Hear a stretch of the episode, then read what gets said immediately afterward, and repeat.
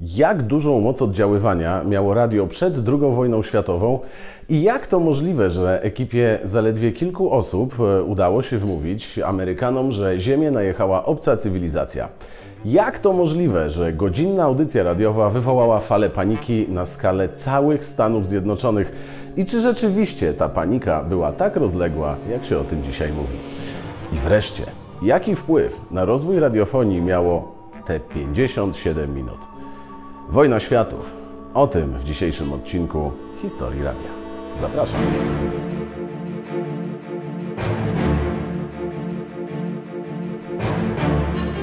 Mamy rok 1938. Telewizja jeszcze raczkuje, gdyż dopiero od 10 lat, e, od roku 1928, istnieje pierwszy regularnie nadawany program telewizyjny. W Nowym Jorku, na szczycie Empire State Building, znajduje się nadajnik telewizyjny o zasięgu zaledwie 80 km. Na powierzchni zamieszkanej przez ponad 10 milionów ludzi jest zaledwie około 2000 telewizorów.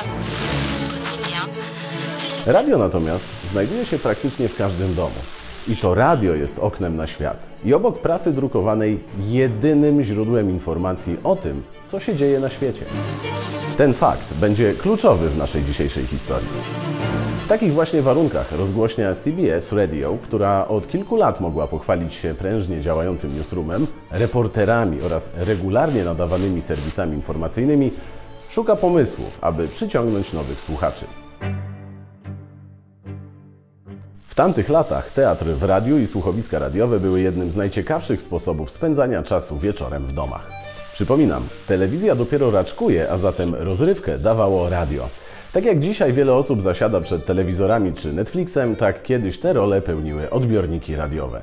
CBS Radio, czyli Columbia Broadcasting System Radio, bo tak brzmi rozwinięcie tego skrótu, w poszukiwaniu nowych form zapewnienia rozrywki swoim słuchaczom zwróciła się do zaledwie 23-letniego wówczas aktora, reżysera i producenta Orsona Wellesa. Powołany przez niego do życia The Mercury Theatre już wtedy miał na koncie wiele sukcesów, które zwróciły uwagę właścicieli CBS Radio. Sama postać Orsona Wellesa także zasługuje na to, aby pochylić się nad nią chwilę. Ten urodzony w 1915 roku absolwent School of Art Institute w Chicago bardzo szybko dał się poznać jako niesamowicie pracowity i posiadający innowacyjne pomysły reżyser i aktor. Niech o jego nietypowym podejściu do życia i pracy świadczy fakt, że mając zaledwie 16 lat, udał się na wycieczkę po Irlandii. Kiedy dotarł do teatru Gate Theatre w Dublinie, próbował wmówić jego menadżerowi, że jest znaną gwiazdą na Broadwayu. Menadżer co prawda nie uwierzył pewnemu siebie szesnastolatkowi, ale będąc pod wrażeniem jego pomysłowości, dał mu rolę w swoim przedstawieniu. Niestety, ze względu na młody wiek, Orson Welles nie otrzymał wizy pracowniczej w Irlandii i musiał wracać do USA. Po powrocie założył wspomniany przeze mnie The Mercury Theatre i od razu zaszokował publiczność, wystawiając Macbeta, w którym wszystkie role były obsadzone przez czarnoskórych aktorów. W latach 30. ubiegłego stulecia takie wydarzenie nie mogło przejść bez echa. Sztukę natychmiast nazwano Voodoo Macbeth, a o młodym reżyserze, który, który jednocześnie był producentem sztuki, zrobiło się głośno.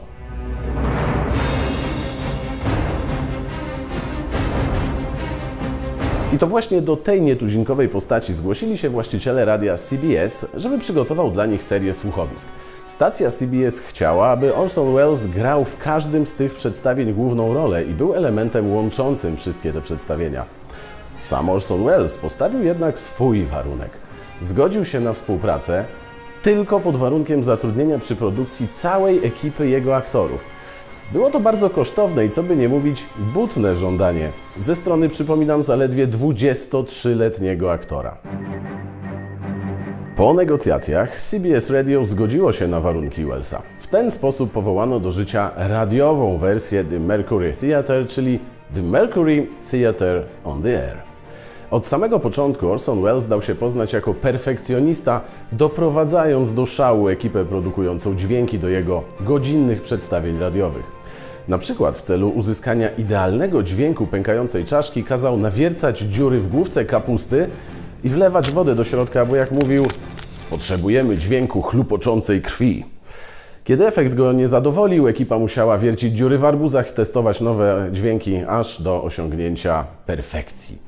W takich wymagających i trudnych dla ekipy radia CBS warunkach powstawały kolejne interpretacje sztuk i powieści, takich jak Dracula Brama Stokera, Wyspa Skarbów Stevensona czy Hrabia Monte Cristo Dumasa. Niestety, mimo ogromnych nakładów pracy i środków, produkowane przedstawienia radiowe nie odnosiły ani sukcesów, ani nie spełniały pokładanych w nich oczekiwań właścicieli CBS. 16 odcinków radiowych przedstawień The Mercury Theatre on the Air nie przyniosło oczekiwanych efektów w postaci gigantycznego wzrostu słuchalności. Aż do 30 października 1938 roku. Z okazji Halloween Orson Welles postanowił wyemitować słuchowisko na podstawie książki Herberta George'a Wellesa Wojna Światów. Akcja książki jest umieszczona pod koniec XIX wieku u schyłku epoki wiktoriańskiej w Anglii. Opowiada o ataku Marsjan na Ziemię. Książka jest napisana w pierwszej osobie. Autor opowiada o tym, że widzi atakujących kosmitów, widzi ich broń, widzi co się dzieje z zaatakowanymi ludźmi. I ten sposób narracji sprawi, że audycja, która za chwilę zostanie nadana, brzmi wiarygodnie. Niczym relacja reportera z miejsca zdarzenia. Orson Welles, aby nadać jeszcze więcej wiarygodności przedstawieniu, dokonał małych modyfikacji w fabule, m.in. przenosząc akcję wydarzeń do Nowego Jorku oraz New Jersey w roku 1938. Formuła słuchowiska Wojna Światów nie odbiegała specjalnie od poprzednich 16 przedstawień. Godzinne słuchowisko rozpoczęło się standardowym tematem muzycznym Mercury Theatre on Air, po którym Orson Welles powiedział słuchaczom, że wieczorny spektakl jest adaptacją powieści Wojna Światów. Następnie przeczytał do mikrofonu przygotowany przez siebie prolog, mocno oparty na fabule książki. Wspomniał w nim o tym, że przez wiele lat byliśmy obserwowani przez obce oczy, które knuły wobec nas złowieszcze plany. Następnie pojawił się serwis pogodowy, a prezenter pogody zapowiedział, że przenosimy się teraz do Nowego Jorku, skąd zostanie nadany utwór w wykonaniu orkiestry. Warto tutaj zaznaczyć, że całość audycji brzmiała jak zwykły program radiowy. Między utworami pojawia się prezenter wiadomości, który niczym w zwykłej audycji radiowej mówi, że ma wiadomość z ostatniej chwili. Na Marsie zaobserwowano dziwne wybuchy, a w kierunku Ziemi lecą dziwne obiekty, po czym wraca muzyka i w cudzysłowie zwykła audycja. Prezenter zapowiadający utwory brzmi zupełnie normalnie i warto tutaj zaznaczyć, że ktoś, kto nie usłyszał początku audycji, w którym pada informacja, że jest to tylko przedstawienie radiowe, mógł myśleć, że słucha prawdziwych relacji i będzie to kluczowe dla zrozumienia efektu, jaki wywarła audycja na niektórych słuchaczach. Tempo audycji nabiera rozpędu, kiedy po utworze na antenę wchodzi prezenter i mówi, że w związku z tymi wybuchami na Marsie za chwilę gościem będzie astronom, który wyjaśni, co się mogło stać. Całość brzmi bardzo wiarygodnie, jak zwykła audycja radiowa. Całości osadzenia w rzeczywistości dodaje fakt, że działania podejmowane przez prezenterów brzmią jak zwykła praca dziennikarska. Coś się stało, więc prosimy eksperta o komentarz. Nie ma w tym nic niezwykłego. I właśnie to spowoduje, że tak wielu ludzi uwierzy, że naprawdę zaczęła się inwazja obcej cywilizacji. Pamiętajmy o tym, że słuchacze w roku 1938 nie mieli żadnej możliwości zweryfikowania, czy to, co słyszą, to prawda. Telewizja praktycznie nie istniała, gazety wychodziły dopiero następnego dnia rano. Dla nich radio i ta audycja były jedynym wiarygodnym źródłem wiedzy. W pewnym momencie audycji prowadzący program łączy się z reporterem, który przy akompaniamencie bardzo starannie wyprodukowanych dźwięków opowiada, że widzi obiekt, który wcale nie jest meteorytem, który uderzył w Ziemię, jak wcześniej myślano, dlatego że ma cylindryczny kształt. Co więcej, ze środka wydobywa się buczący dźwięk. Nagle z cylindrycznego obiektu wyłaniają się obcy i atakują zebrany wokół tłum. Wszystko jest relacjonowane przez przerażonego reportera, który opowiada, że widzi jak kosmici strzelają do ludzi promieniami cieplnymi. Nagle transmisja się urywa, w domyśle reporter ginie. Następuje łączenie z generałem, który ogłasza wprowadzenie stanu wyjątkowego. Pierwsza część audycji kończy się wejściem z Manhattanu, w którym reporter mówi, że marsjańskie machiny wojenne niszczą Nowy Jork, Armia amerykańska jest bezradna, ludzie padają jak muchy, a marsjańskie pojazdy wylądowały w różnych miastach na całym świecie.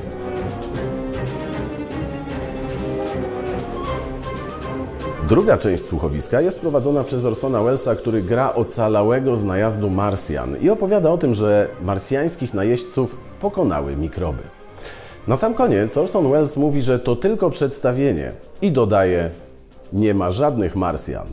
Jest za to Halloween.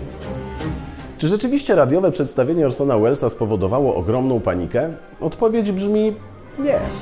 Co prawda niektórzy, głównie ci, którzy włączyli audycję po nadaniu komunikatu, że to przedstawienie radiowe, rzeczywiście uwierzyli w najazd obcych, ale dzisiaj już wiemy, że ta grupa słuchaczy wcale nie była liczna.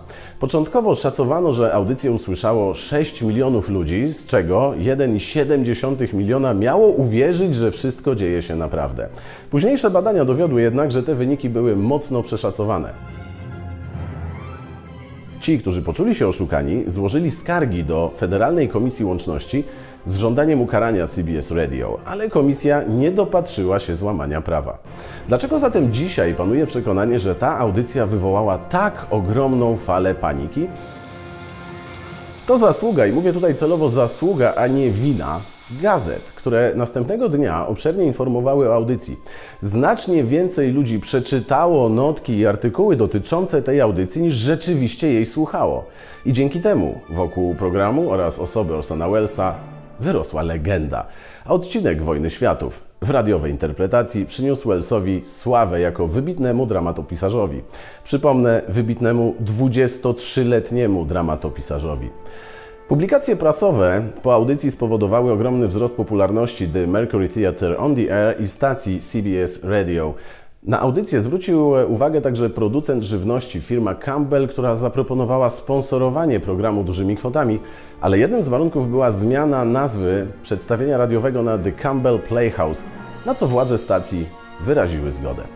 Pod tą nazwą Orson Welles wraz ze swoimi aktorami występował przez kolejne dwa lata do roku 1940. W roku 1988, 50 lat po premierze Wojny Światów, zarówno Orson Welles, jak i The Mercury Theatre on the Air zostali wpisani do radiowej hali sław, a nagranie z oryginalną audycją znalazło się w Bibliotece Kongresu jako dziedzictwo amerykańskiej kultury. Jak to się stało, że niektórzy uwierzyli w to, że ta audycja relacjonowała prawdziwy najazd kosmitów na Ziemię? Po pierwsze, rok 1938 był rokiem napiętych stosunków międzynarodowych. Informacje o działaniach Niemiec w Europie docierały do Stanów Zjednoczonych, a świat szykował się do wojny. Atmosfera była bardzo napięta. W takich okolicznościach ludzie byli gotowi na wybuch wojny w każdej chwili. Dlatego niektórzy uwierzyli, że ta wojna naprawdę wybuchła, nie zwracając uwagi na absurdalność sytuacji. Po drugie, brak możliwości zweryfikowania informacji podawanych w radiu. Jak już e, wspominałem, telewizja wtedy raczkowała. Na papierowe wiadomości w postaci gazety trzeba było czekać aż do rana. Po trzecie, staranność przygotowania audycji. Nawet dzisiaj, po kilkudziesięciu latach, słuchowisko doskonale się broni. Jakość i sposób użycia efektów dźwiękowych, e, dobra gra aktorska i świetny warsztat radiowy wszystko to nadało wiarygodności słuchowisku.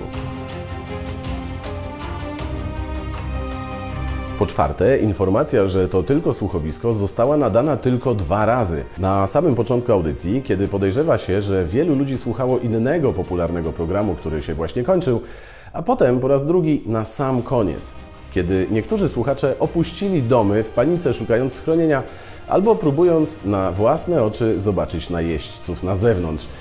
I zwyczajnie nie było ich wtedy przy odbiornikach. Link do oryginalnej audycji Wojna Światów Orsona Wellesa, wyemitowanej 30 października 1938 roku, znajdziecie w opisie tego filmu. Bardzo Wam dziękuję za uwagę. Dajcie znać w komentarzach, czy cykl poświęcony historii radia to jest coś, co chcielibyście oglądać na tym kanale. Do zobaczenia.